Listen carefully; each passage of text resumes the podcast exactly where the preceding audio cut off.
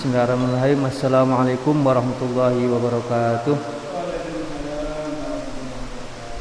Ila Nabi Mustafa sallallahu alaihi wasallam wa ala alihi wa sahbihi wa auladihi wa dzurriyyatihi thumma ila hadrat imamihi min anbiya'i mursalin wal awliya wa syuhada wa salihin was sahabati wat tabi'in wal ulamil amin wa musannifil muqlisin wa jamil malaikatil muqarrabin وصل إلى مشايخنا ومشايخ مشايخنا وأساتذتنا وأساتذة أساتذتنا وصل إلى معالج هذه معالج هذا الكتاب الفاتحة. أعوذ بالله من الشيطان الرجيم. بسم الله الرحمن الرحيم. الحمد لله رب العالمين. الرحمن الرحيم. مالك يوم الدين. إياك نعبد وإياك نستعين. اهدنا الصراط المستقيم. صراط الذين أنعمت عليهم غير المغضوب عليهم ولا الضالين. آمين. Bismillahirrahmanirrahim. Allahumma faqihna fitin wa 'alimna ta'wil.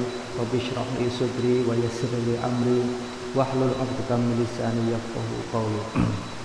Bismillahirrahmanirrahim. Kita melanjutkan uh, pengajian kitab Riyadhus Shalihin uh, dan masih di bab sabar ya. Di bab sabar. Bismillahirrahmanirrahim. Wa an Abi Sa'idin lan saking Abi Sa'id wa Abi Hurairah lan Abu Hurairah radhiyallahu muga-muga paring ridho sapa Allah Gusti Allah anhuma saking Abi Sa'id lan Abu Hurairah. Ali Nabi saking Gusti Nabi sallallahu alaihi wasallam qala isdawuh sapa Kanjeng Nabi sallallahu alaihi wasallam mayusibu mayusibu orang ngenani tidak menimpa al muslima ing wong Islam wong muslim apa min nasobin e, nasob itu artinya lelah ya. lelah payah capek karena kerja keras itu namanya nasob jadi lelah capek karena kerja keras. Jadi karena dia bekerja keras, ya, kemudian mengakibatkan mungkin fisiknya itu menurun. Orang yang ditimpa e, kondisi seperti itu ya wala wasobin lan ora e, loro sakit. Wasob ini sama dengan marut, marut kan sakit. Tapi wasob ini untuk jenis sakit yang lebih parah kalau marut ini sakit biasa, kalau wasop ini sakit yang lebih parah. Gitu.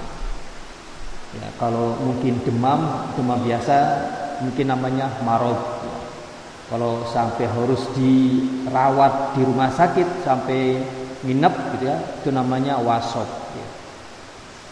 Mayusibu al muslimah min nasobin wala wasobin wala hamin lan orang uh, sedih sedih atau prihatin wala hazanin nah hamin hazan ini sama ya maknanya sama-sama sedih ya, sama-sama uh, sedih karena suatu hal. Nah tapi bedanya kalau hamun itu sedih uh, untuk hal-hal yang belum terjadi.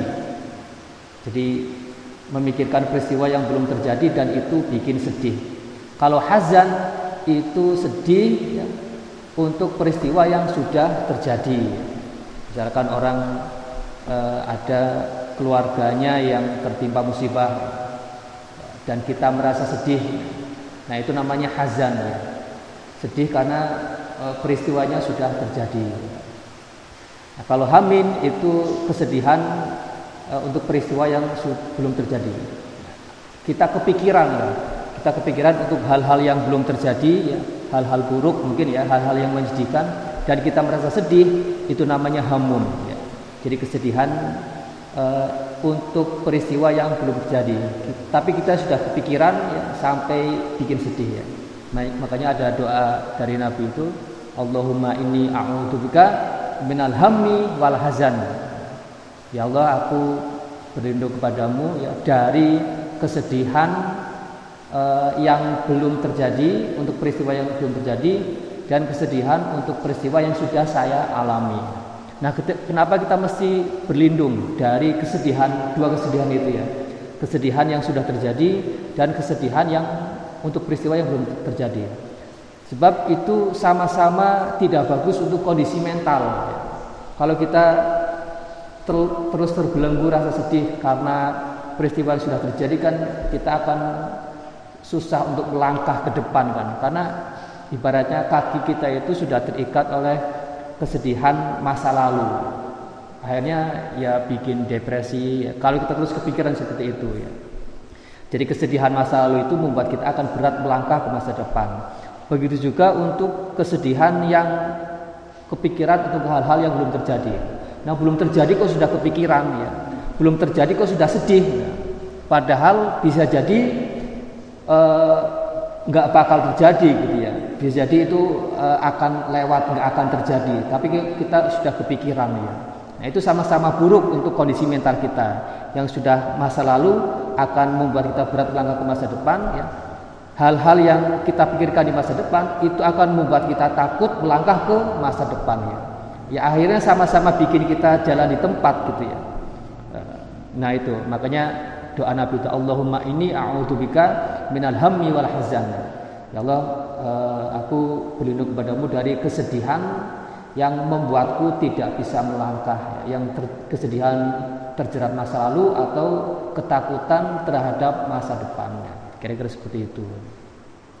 Mayusiku al muslimu min nasubin wala wasubin wala hamin wala hazanin. Wala adzan lan ora uh, adzan itu bahaya. Eh, hal-hal uh, yang membahayakan hal yang menyakitkan baik secara fisik maupun secara batin lahiriah maupun batiniah. Wala ghamin lan ora sama nih adzan wala ghamin ini sama. Bedanya kalau adzan itu bisa e, bahaya atau e, bahaya lahir dan batin kalau ghamin ini bahaya secara batiniah. Ya.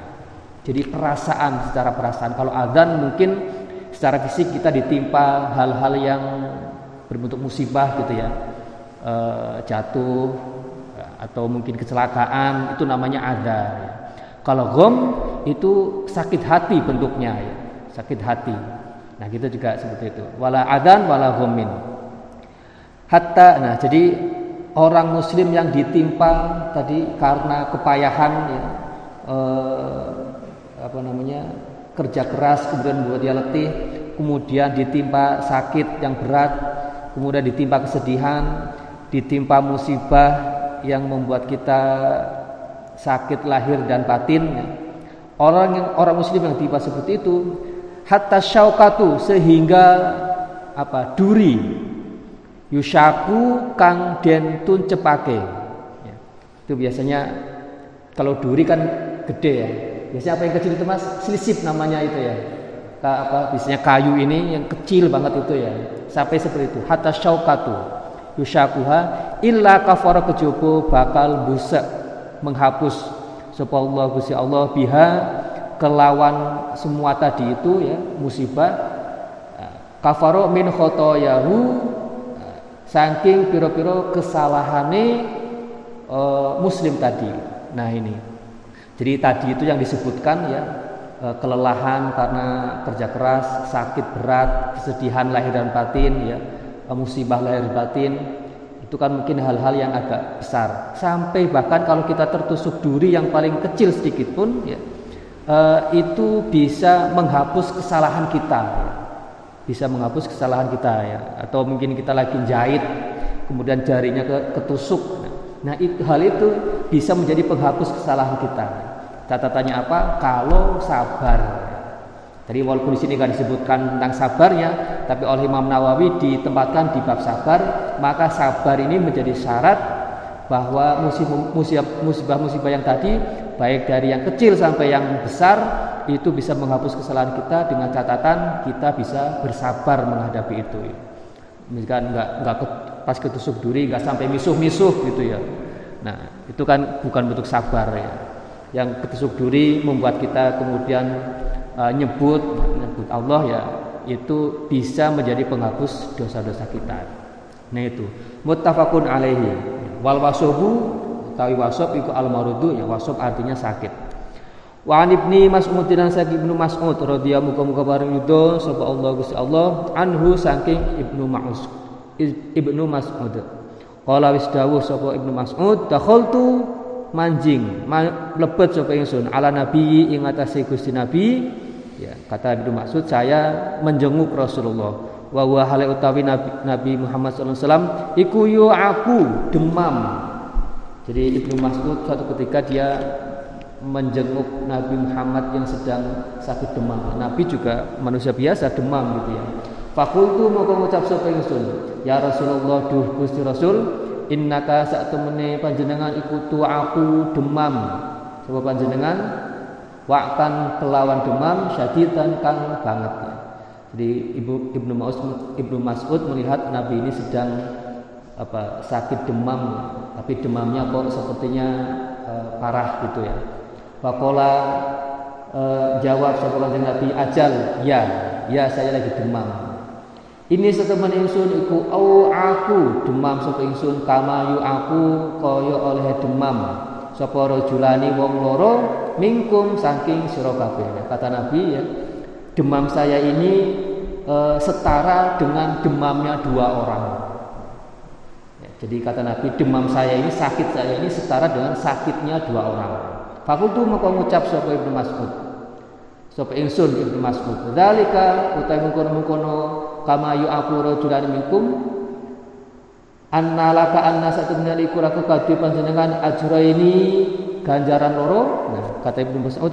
Jadi Ibnu Mas'ud, Ibnu Mas'ud tanya ya ketika Nabi mengatakan bahwa sakit saya ini setara dengan dua orang, kata Ibnu Ibnu Mas'ud, e, apakah maksudnya itu panjenengan kalau sakit itu dapat dua ganjaran kata Ibnu Mas'ud ya Fakola jawab ajal nggih ya kata Rasul. Ya jadi saya ini kalau sakit seperti sakitnya dua orang. Artinya pahala yang didapatkan saya ini dua kali lipat daripada sakitnya orang biasa. Nah sebab tadi yang pertama sakitnya Nabi dari sisi parahnya gitu ya itu lebih berat daripada sakitnya orang biasa. Ini sudah menjadi apa ya menjadi ujian Nabi Muhammad. Ya, kalau sakit sakitnya itu dua kali lipat lebih sakit dibanding sakit orang biasa ya, asyadun nasi balaan al anbiya ya, jadi uh, apa, ujian yang paling berat itu para nabi termasuk dalam kondisi sakit demam ya. demamnya itu lebih parah daripada uh, para sahabat daripada manusia biasa karena sakitnya lebih parah maka pahalanya juga lebih banyak ya, daripada pahala yang mungkin didapatkan oleh orang-orang biasa ketika sakit. Ajal dalika kadzalika. Mamin muslimin ora ono saking wong Islam yusibu kang ngenani hu ing muslim. Apa azan? Rupane syaukatun duri. Fama mongko fama nuli barang fauqaha kang luwih cilik saking duri.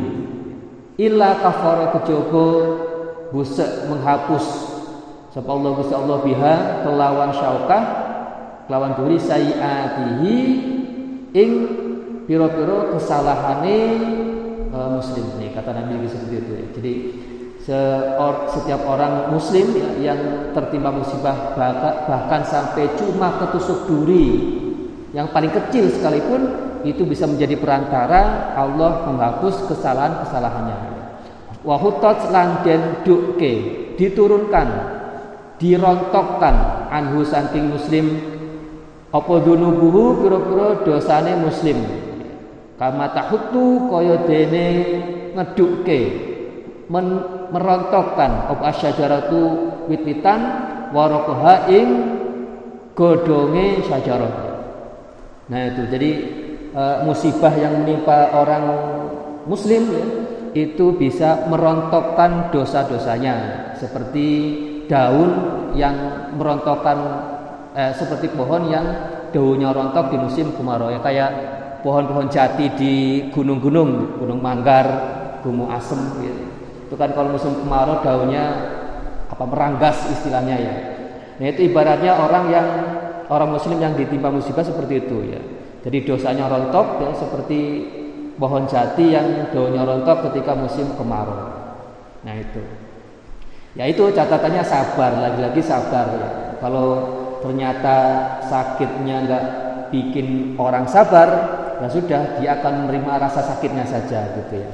Maka e, musibah yang paling besar itu daripada musibahnya itu sendiri ya. Musibah yang e, orang ketika ditimpa musibah itu sudah hal yang beratnya. Tapi lebih lebih berat adalah ketika orang ditimpa musibah dan dia nggak bisa sabar. Itu dua kali lipat penderitaannya ya, lahir dan batin. Sudah sakit nggak dapat pahala lagi. Itu kalau orang nggak bisa sabar. Nah kalau sabar mungkin yang menderita lahiriahnya saja, tapi batiniahnya karena sabar dia akan tenang karena itu dia mendapatkan pahala. Makanya seperti itu ya. Yang lebih berat ketika orang ditimpa musibah itu ketika dia tidak bisa bersabar.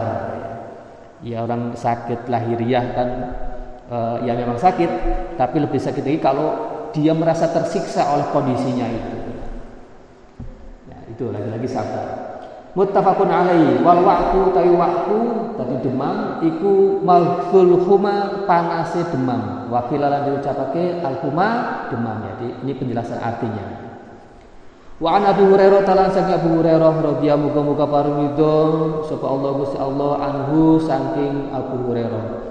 Kala wis ngucap sapa Abu Hurairah kala wis dawuh sapa Rasulullah sallallahu alaihi wasallam man utawi sapa wong iku yurid ngarepake sapa Allah Gusti Allah bihi kelawan man khairan ing kebagusan yusib mongko bakal nimpakake musibah sapa Allah minhu saking man nah ini orang man yuridillahu bi yusib minhu jadi kata Rasul orang yang uh, ciri-ciri orang yang akan mendapatkan kebaikan dari Allah itu dia akan ditimpa musibah ya. atau musibah yang menimpa seseorang itu akan menjadi wasilah kebaikan. Lagi-lagi kalau orang itu mau bersabar. Ya itu. Jadi musibah itu bisa menjadi perantara kebaikan.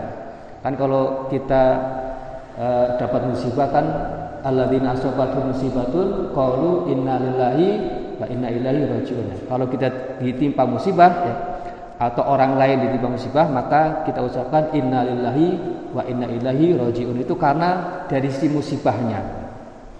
Tapi dalam musibah itu ada kebaikan ya, ada potensi kebaikan.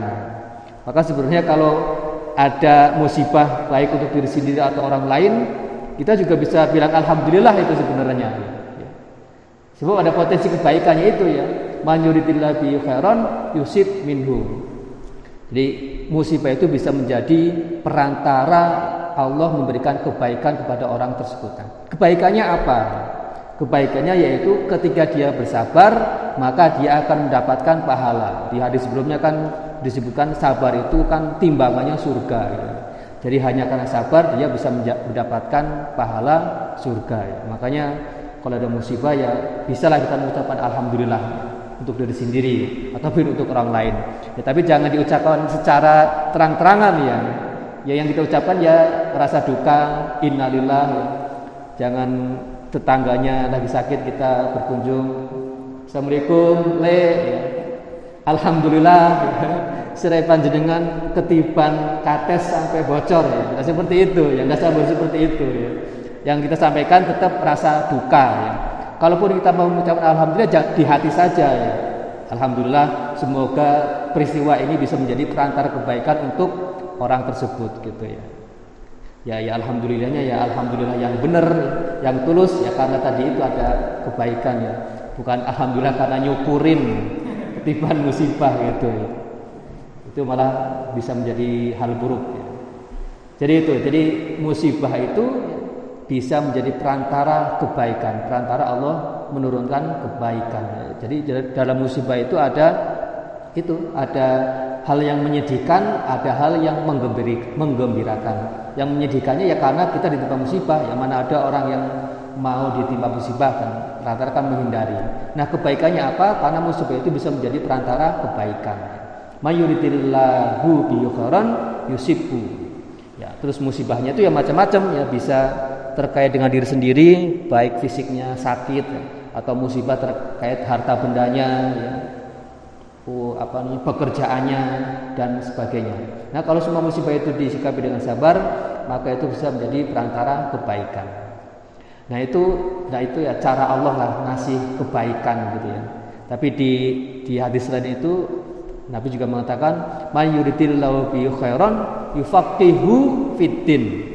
Jadi orang yang dikehendaki baik itu maka Allah akan menjadikan orang itu alim menjadi orang alim paham agama ini juga jalan lain ketika Allah pengen ngasih kebaikan ya ada orang yang kebaikannya itu melalui jalan dia jadi orang alim ngajarin orang lain ada orang yang dikasih kebaikan itu melalui jalan musibah ya semuanya macam-macam lah jalan Allah mencari atau memberikan kebaikan ya. ya mungkin ada hal lain ada jalan lain di luar jalan ini gitu ya. Misalkan ada orang hidupnya baik-baik saja, sehat, lahir dan batin, keluarganya tentrem, duitnya banyak, ya. Tapi yang nggak alim-alim juga, jadi orang biasa. Gimana dia mencari kebaikan? Ya dengan uangnya, dengan dengan kesehatannya, dengan uangnya, ya berbuat baik dengan sedekah, dengan kebaikan dan sebagainya itu kan juga bisa menjadi perantara kebaikan gitu ya.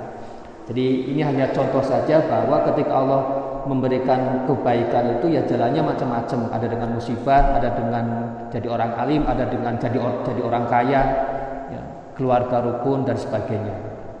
Ya itu ya semuanya lagi-lagi sikap ya bukan musibah atau nikmatnya tapi sikap kita terhadap uh, yang kita dapatkan itu. Rawahu sing riwayatake ing hadis sapa Al Bukhari Imam Bukhari ya. Wadobatu wadobatu lan Nah ini cuma keterangan. Wadu-batu nggak apa mengharokati. Wadu-batu mengharokati suku ulama Yusuf Yusuf bifat hisodi kelawan bifat hisodi kelawan fathah sod wakasriha jadi bisa Yusuf bisa Yusob. Sodnya bisa dengan fathah Yusob bisa juga dengan kasroh Yusuf nah, kalau yang di sini dipilih Yusuf Yusufku Wa an Anasin lan saking sahabat Anas radhiyallahu muga-muga bareng sapa Allah Gusti Allah anhu saking Anas. Kala wis ngucap sapa Anas kala wis dawuh sapa Gusti Rasul sallallahu alaihi wasallam la yatamai la yatamanna yanna. Ojo ngarep ojo teman-teman ngarep sapa ahadukum salah siji salah siji sira kabeh al mauta ing mati nggak boleh itu mengharap mati. Mengharap mati karena nggak kuat ya. Mengharap mati aja nggak boleh apalagi sampai bunuh diri. Mengharap mati aja nggak boleh ya Allah. Saya udah nggak kuat hidup ini. Duit nggak punya sakit-sakitan terus ya udah mati aja lebih baik. Nggak boleh seperti itu. Mengharap baik. Mengharap kematian nggak boleh ya. La yatamayat la ora ngarep temenan sobat hukum ojo ngarep temenan hukum salah di sira kabeh. Al mauta ing mati lidurrin krono bahaya. Karena hal-hal buruk asobakan ngenani yang menimpa apa durin hu ing ahadukum.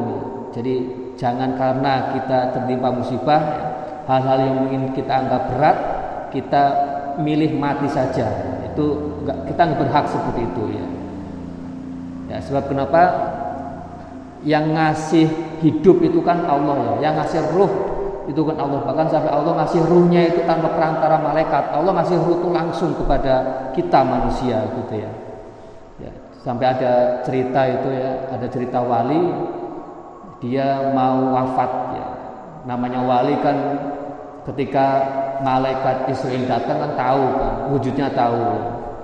Kata malaikat datang ke wali ini ya ketahuan ini saya mau dicabut kayaknya nih terus kata si wali ini e, protes nggak mau nggak mau dicabut sama malaikat ini protes ke ke Allah ya Allah dulu panjenengan ini ngasih ruh ke saya ini tanpa perantara siapa-siapa ya. Jadi kalau panjenengan mau mewafatkan saya, jangan pakai perantara malaikat juga dong gitu ya. Cabut aja langsung tanpa harus lewat perantara malaikat Israel. Ya. Nah, jadi itu menunjukkan bahwa nyawa itu yang ngasih Allah, yang berhak mencabut pun Allah ya. Ya tadi sampai wali nyawanya ruhnya mau dicabut sama malaikat nggak mau maunya sama Allah langsung karena alasannya yang ngasih waktu itu Allah ngasihnya juga langsung ya kalau mau dicabut ya jangan pakai perantara malaikat langsung saja gitu ya. jadi seperti itu ya ruh ini pemberian Allah maka mengharap mati nggak boleh apalagi sampai bunuh diri fa kana mukolamun ono. Tapi kalau misalkan kita sudah nggak kuat dengan kondisi kita bagaimana? Fa kana mukolamun ono. Uh, fa'in kana maqalamun ono opo durin tadi itu? Atau wong labuda ora kena ora iku fa'ilan. Wong kang lakoni fal yakul mongko ngucapo kalau misalnya kita kondisi sudah nggak kuat berat dengan kondisi kehidupan kita gitu ya sakit sakit misalkan yang kita rasa berat ya maka yang bisa kita lakukan adalah tetap berpikir positif ya. Tetap bersikap positif terhadap Allah dan berdoa. Allahumma du Gusti ahyi paring urip panjenengan ni ing ingsun makanat selagine ono apa al hayatu urip iku khairon luwih bagus li marang ingsun wa tawaffalan paring wafat panjenengan ni ing ingsun ida kanat tatkalane ono nalikane ono op al wafatu wafat iku khairon luwih bagus li kadue ingsun. Nah, kalau kita sudah merasa apa sudah merasa nggak tahan dengan kondisi yang kita terima dalam kehidupan ini ya, sampai mungkin terpikir pengen mati ya, maka tepis itu ya pikiran-pikiran itu dengan dengan yakin dengan doa ini Allahumma ahyini maka natil hayatu kharon li wa tawaffani idza kanat idza kanatil wafatu khairun Ya Allah, ya, saya sudah nggak kuat dengan kondisi saya ini, ya, saya pasrahkan kepada panjenengan. Jika memang uh, hidup saya nanti ini lebih bagus, ya, ya sudah pertahankan saya dengan kehidupan saya ini. Tapi kalau ternyata mati saya itu lebih bagus, ya, ya sudah wafatkan saya. Jadi eh, apa namanya? Tetap ada pikiran positif. Bahkan kita, kita ketika pengen mati bukan karena pengen matinya ya, tapi karena menurut Allah mati itu lebih bagus. Bukan karena menurut kita ya. Bukan karena kita pengen mati. Karena kita pikir mati itu lebih bagus, belum tentu ya. Jadi yang kita yang kita apa pikirkan itu menurut Allah ya. Kita hidup pengen hidup ya kalau memang menurut Allah hidup kita itu lebih baik. Kita berpikir pengen mati kalau memang mati itu menurut Allah lebih baik. Jadi bukan bukan patokannya bukan kita ya. Jadi sesakit apa pun, seberat apa pun sakit kita ya, tetap Allah lebih tahu. Jadi saat ini kita sakit berat, eh, tapi kita tetap dibikin hidup sama Allah ya. Sakitnya bertahun-tahun gitu ya. Uh, Allah nggak menakdirkan mati bisa jadi ada kebaikan walaupun dia sakit ya. Bisa jadi ada kebaikan. Kebaikannya apa ya? Ya kalau dia sabar kalau dia sabar sakit bertahun-tahun itu bisa menjadi penghapus dosa-dosa ya, uh, untuk dirinya ya. sehingga ketika menghadap Allah dia seperti orang yang kosongan ya. nggak bawa apa-apa nggak bawa dosa apa-apa ya. nah itu Nah, kalaupun misalkan mati pun ya, maka patokannya Allah. Ya, kalau memang Allah mengendaki mati, ya sudah wafatkan.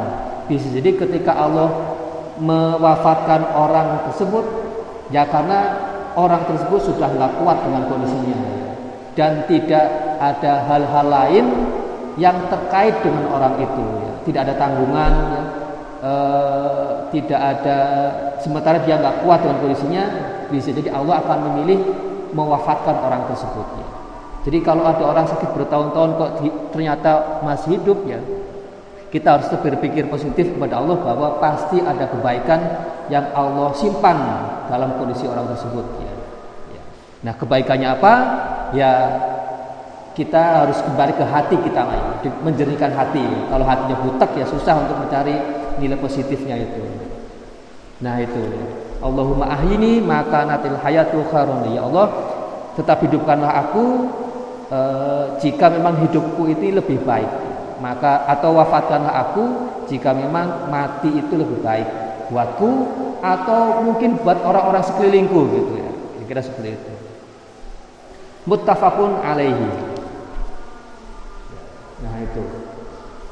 Wa an abi abdillah lan saking abu abdillah uh, Khobab bin apa?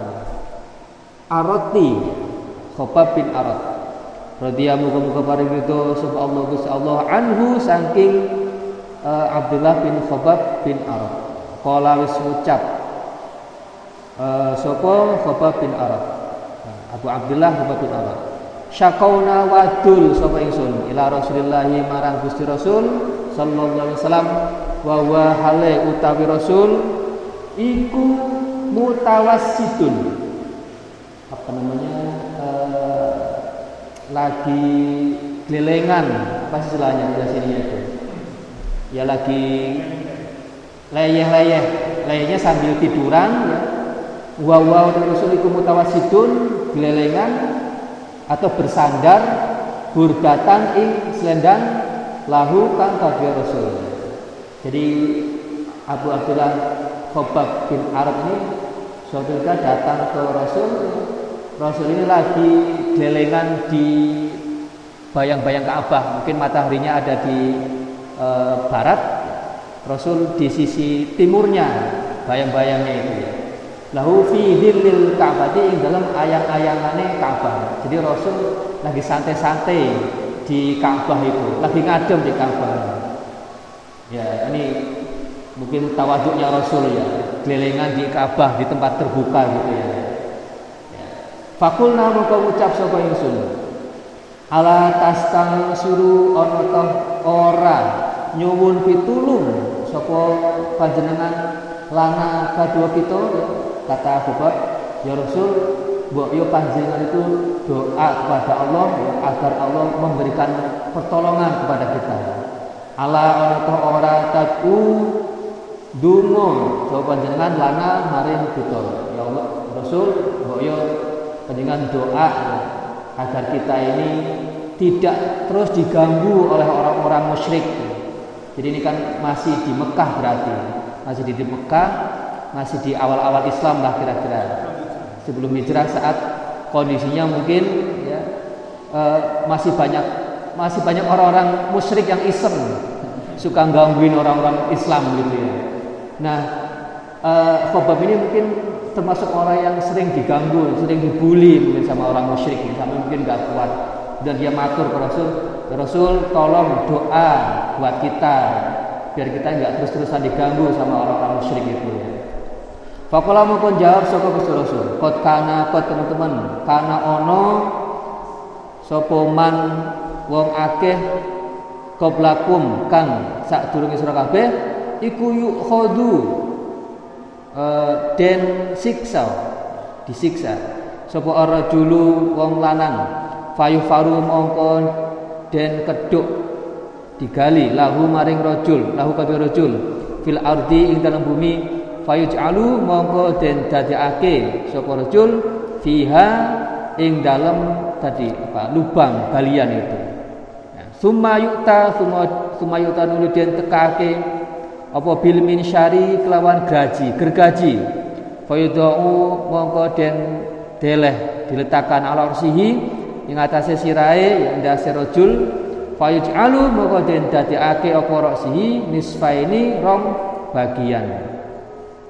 Nah ini kan yang sudah anu kan hadis yang sudah lewat ya tentang uh, apa namanya uh, uh, raja ya, raja yang punya tukang sihir dan tukang sihir ini pengen regenerasi, tapi ternyata orang yang mau dikader jadi penyihir ini uh, punya agama, memeluk agama lain selain agama waktu itu.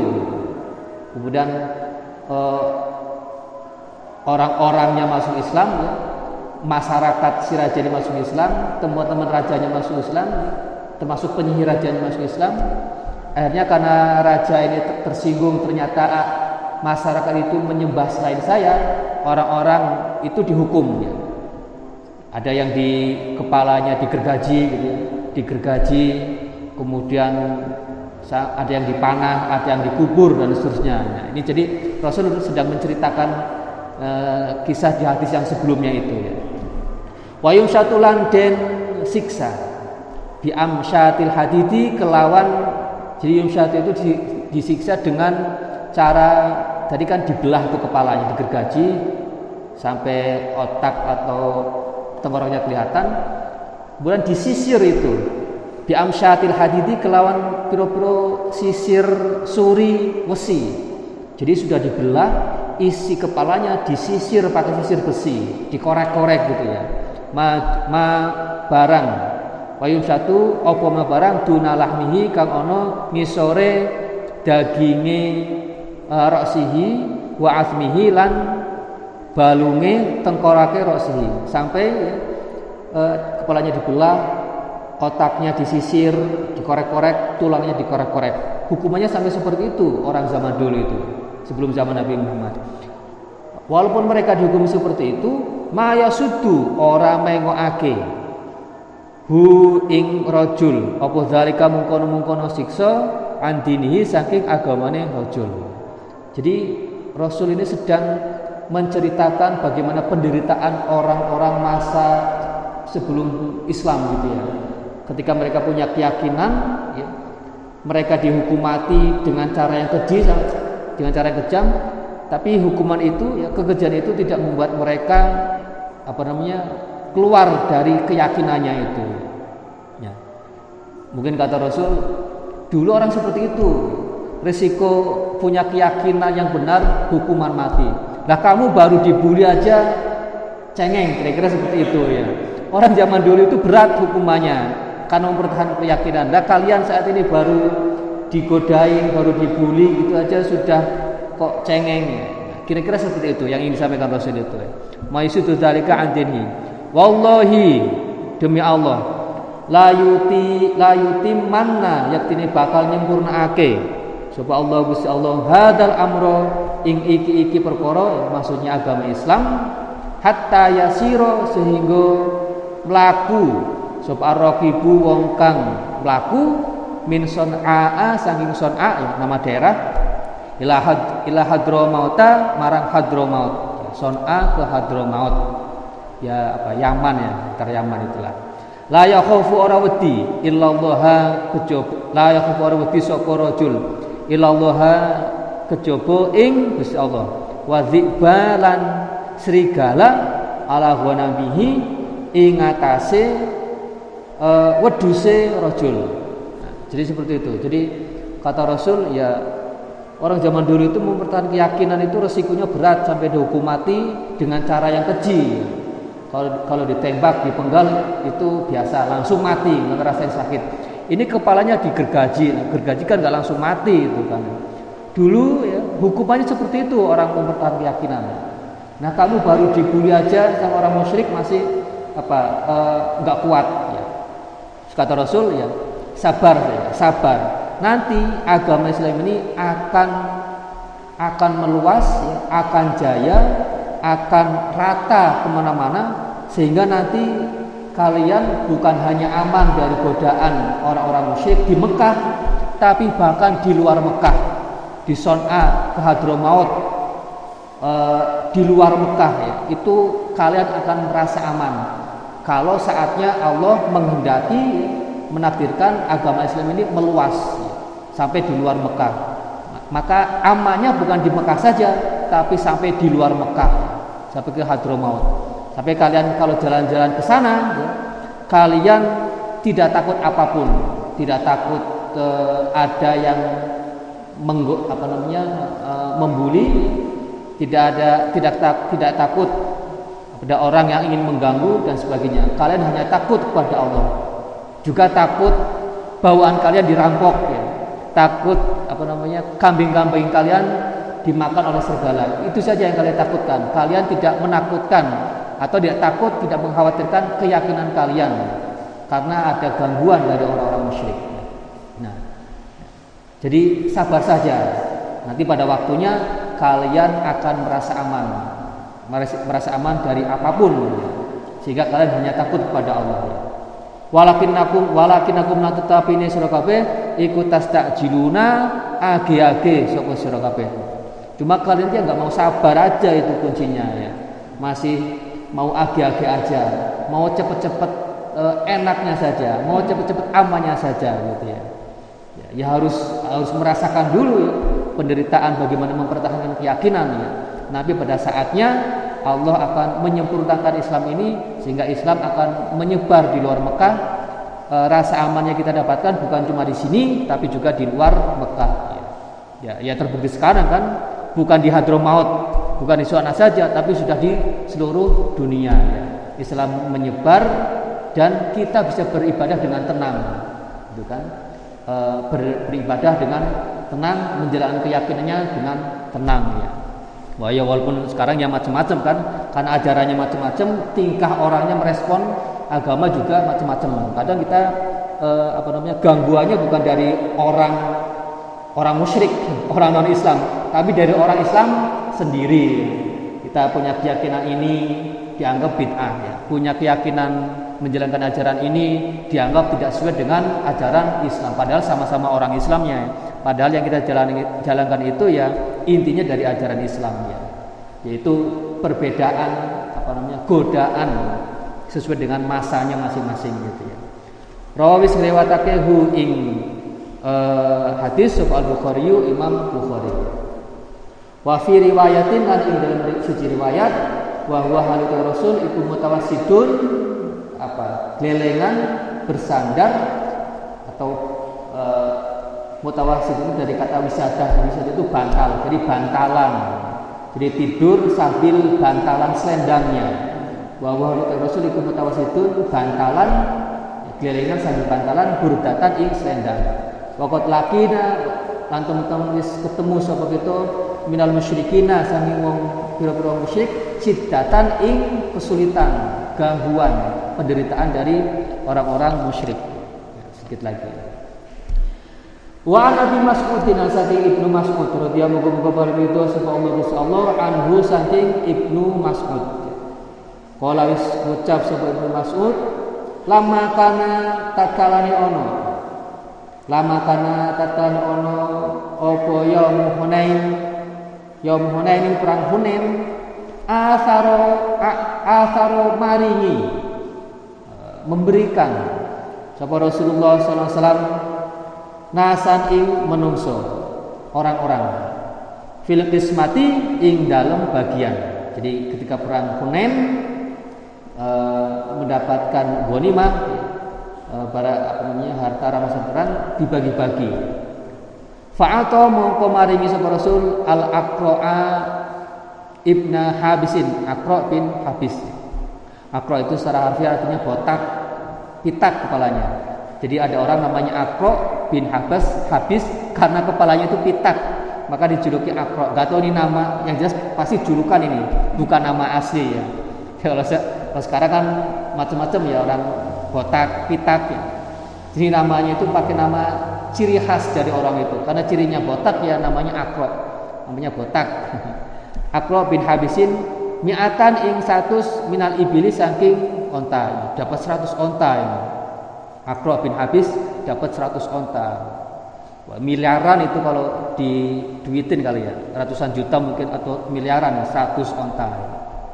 Wa atolan maringi sapa Rasul Uyainata ing Uyainah bin Hisnin mitlah dzalik Uyainah juga dapat 100 onta. Wa atolan maringi sapa Rasul nasan ing menungso min ashrafil min ashrafil arabi saking ashrafil arabi maksudnya orang-orang yang baru masuk Islam yang imannya ini masih lemah ya itu namanya ashrafil arab.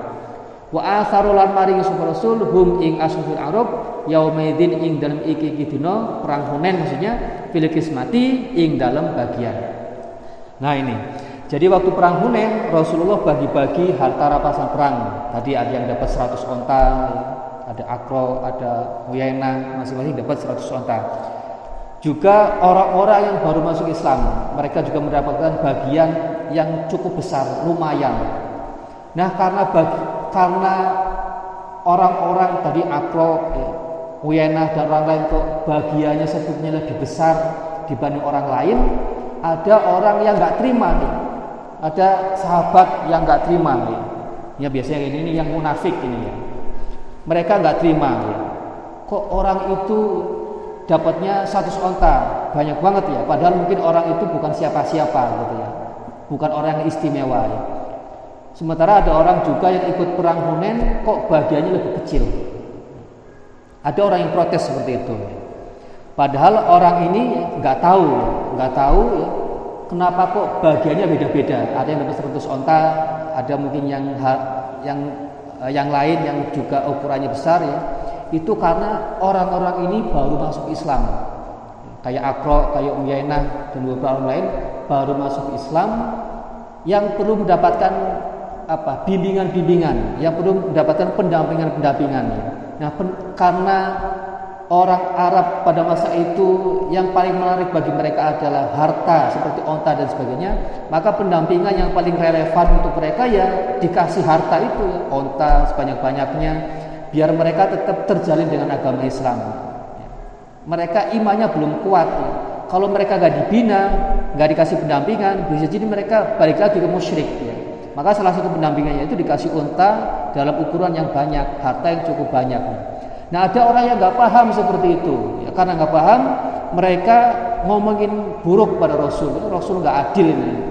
Ada yang dapat 100 onta, ada yang cuma dapat segini gitu. Fakola maka mengucap sapa Rasul.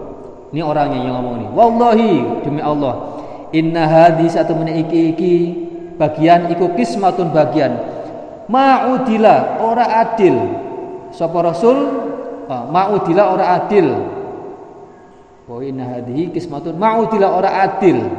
Fiha ma'udila ora adil apa fiha ing dalam kismah. Jadi ada orang yang protes Rasul nggak adil nih ngasih harta rampasan perangnya nggak nggak nggak setara dengan orang-orang yang lain.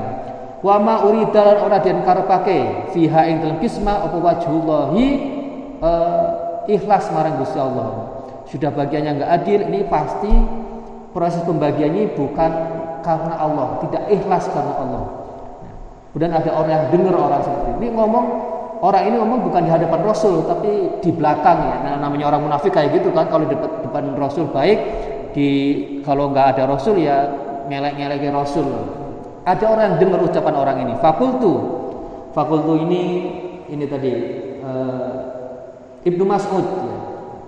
Ibnu Mas'ud Ibnu Mas'ud waktu itu menjadi saksi orang yang ngomong ngomongin jelek kepada Rasul. Fakultu mengucap sapa ingsun wallahi demi Allah la ukhbiranna bakal uh, awe weruh ngabari sapa ingsun ing Gusti Rasul. Ini ada orang ngomong buruk nih saya bilang aja ke Rasul ya. Fa itu moko teko sapa ingsun nakani sapa ingsun hu ing Rasul fa akhbartu moko ngabarake sapa ingsun hu ing rajul Rajul tadi yang ngomong buruk itu, yang ngomong Rasul itu nggak adil, nggak ikhlas waktu ngasih bagian, bima kelawan barang kola kang wis ngucap sopo rojul. Nah, ketika Ibnu Mas'ud menyampaikan tadi ada orang yang gosipin Rasul, Rasul marah, luar biasa marahnya. Fayat fatahu mongko owah berubah. Apa wajhuhu? Wajah Gusti Rasul. Hatta kana sehingga ono apa wajhuhu? Wajah Rasul. Iku kasirfi koyo sirfi itu apa? Henna ya mas? Henna ya mas ya? Henna yang buat apa sih? Menghias, tangan kulit itu ya. Sampai wajahnya Rasul merah kayak merahnya henna itu merah banget berarti kan jadi Rasul ada yang gosipin Rasul itu nggak adil Eh, nggak uh, ikhlas waktu ngasih bagian apa perang, Rasul marah luar biasa sampai wajahnya itu marah. Nah, kenapa Rasul marah?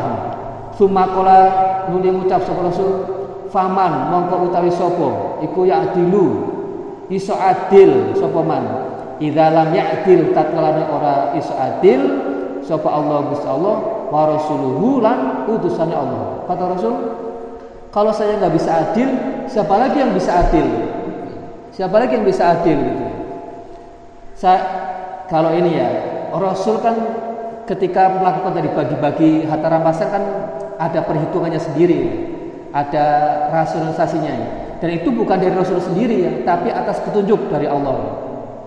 Dan dengan ilham ya, Rasul kasih orang ini jumlahnya segini. Orang ini cukup segini. Itu bukan Rasul sendiri yang memutuskan tapi Allah itu. Keadilannya itu bukan dalam bentuk ukuran yang sama tapi melihat kondisi orangnya. A dikasih 100 karena kondisinya jadi baru masuk Islam B dikasih 50 karena mungkin dia imannya sudah kuat. C dikasih 10 karena mungkin imannya jauh lebih kuat. Dikasih sedikit, pun ya nggak apa-apa nggak ngaruh gitu ya. Nah ketika Rasul berbuat adil, adilnya bukan semua dikasih 100, tapi melihat kondisi masing-masing. Itu bentuk adilnya Rasulullah.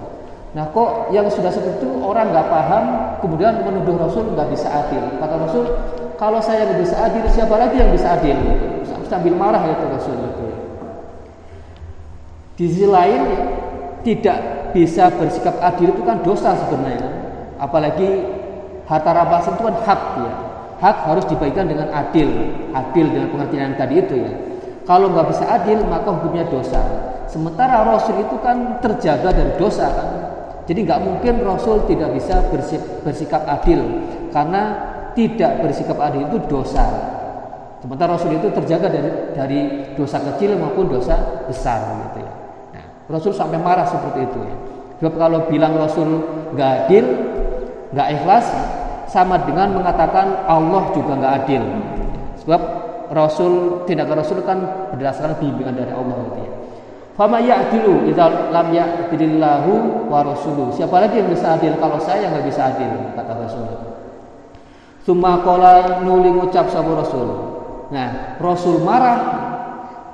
Kemudian Rasul sadar bahwa dirinya marah, Rasul langsung menetralisir apa? Menetralisir kemarahannya sendiri menetralkan kemarahannya sendiri Suma kalau nuli ngucap sapa Rasul yarhamu paring rahmat supaya Allah Allah Musa ing Nabi Musa qad uzia teman-teman den larani sapa Musa bi aktsara kelawan luwih akeh min hadza kelawan iki-iki e, gosip tadi itu ya fasobaro moko sabar sapa Musa. Jadi Rasul marah dan Rasul seakan tahu bahwa dirinya sedang marah ya. Kemudian Rasul langsung mengingat Nabi Musa bahwa Nabi Musa itu mendapatkan cobaan yang jauh lebih besar daripada cobaan yang diterima oleh Nabi Muhammad karena kan berlawanan dengan Fir'aun kan dengan raja Nabi Muhammad kan tidak berlawanan dengan dengan kekuatan tersendiri kan tapi kekuatan yang mencar-mencar gitu ya. Nabi Musa itu berlawanan dengan dengan raja ya. Jadi ketika Nabi Muhammad marah, Nabi Muhammad langsung ingat Nabi Musa. Ya. Nabi Musa itu ya cobaannya, ujiannya eh, yang diterima jauh lebih besar daripada yang saya terima. Maka seolah Rasul ingin meredam kemarahannya sendiri dengan mengingat ya, cobaan yang diterima oleh Nabi Musa. Ya. Artinya mungkin ya dalam hati kalau kita bisa omongkan itu ya Ya masa baru diomongin nggak adil saja masa mau marah gitu. Kira-kira seperti itu ya. Walaupun kemudian Rasul marah kan ya. Masa cuma diomongin nggak adil aja e, mau bereaksi berlebihan. Padahal Nabi Musa dulu jauh lebih berat daripada apa yang saya terima. Kira-kira seperti itu yang disampaikan Rasulullah. Nah karena Rasul marah luar biasa. Sampai Ibnu Mas'ud ini kaget. Takut sendiri melihat Rasulullah marah. Fakultu mengucap sapa ingsun Ibnu Mas'ud. La jaroma la jaroma bener. Bener. La arfa'u ora bakal nyampe ake supaya ingsun. Ilahi marang rasul ba'daha ing dalam sakwise kasus tadi itu hadisan ing omongannya kata Ibnu Mas'ud saya nggak mau nggak mau lagi kalau ada orang gosipin jelek Rasul saya nggak mau lagi menyampaikan kepada Rasul. Takut Rasul marah. Ya Mungkin kalau Rasul marah membuat dia khawatir gitu ya, membuat dia takut sendiri. Ya. Nah itu Ibnu Mas'ud sampai seperti itu ya, kaget e, melihat Rasul marah, yang marahnya itu luar biasa. Muttafaqun alaihi wa qauluhu utawi ucapane e, Ibnu Mas'ud kasorfi koyo tadi hena kayak celupan itu ya. Wa utawi sorfi bikasri sodi lawan kasroh soti sir kasirfi al muhmalati kang orang titik sot bukan dot maksudnya itu. Wahwa utawi sirfi iku sibukun celupan ya ahmaru kang abang ya henna lah. Henna merah.